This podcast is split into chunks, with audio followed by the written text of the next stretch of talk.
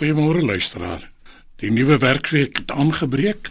Vandag kan jy ingaan met die sekerheid dat niks u pad sal langskom sonder die toelating van die Here nie. As kind van God het u die voorreg om staat te maak op sy inspraak in u lewe.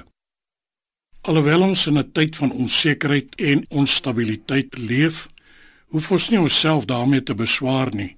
Ons kan immers nie veel aan die loop van die lewe verander deur ons daaroor te kwel nie.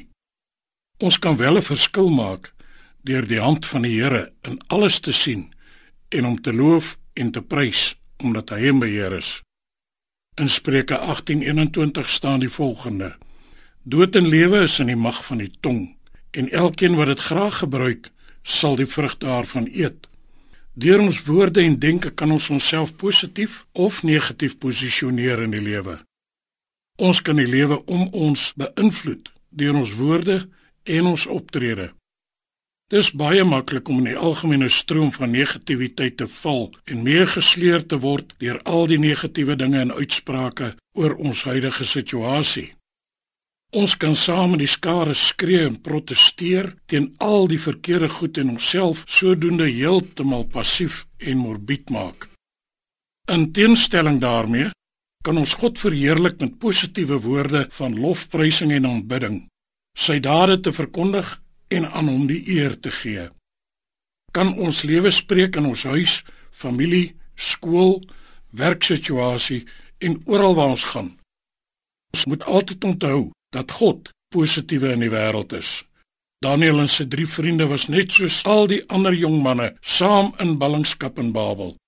Hulle het egter verkies om positief te bly en God te verheerlik in hulle ongemaklike situasie.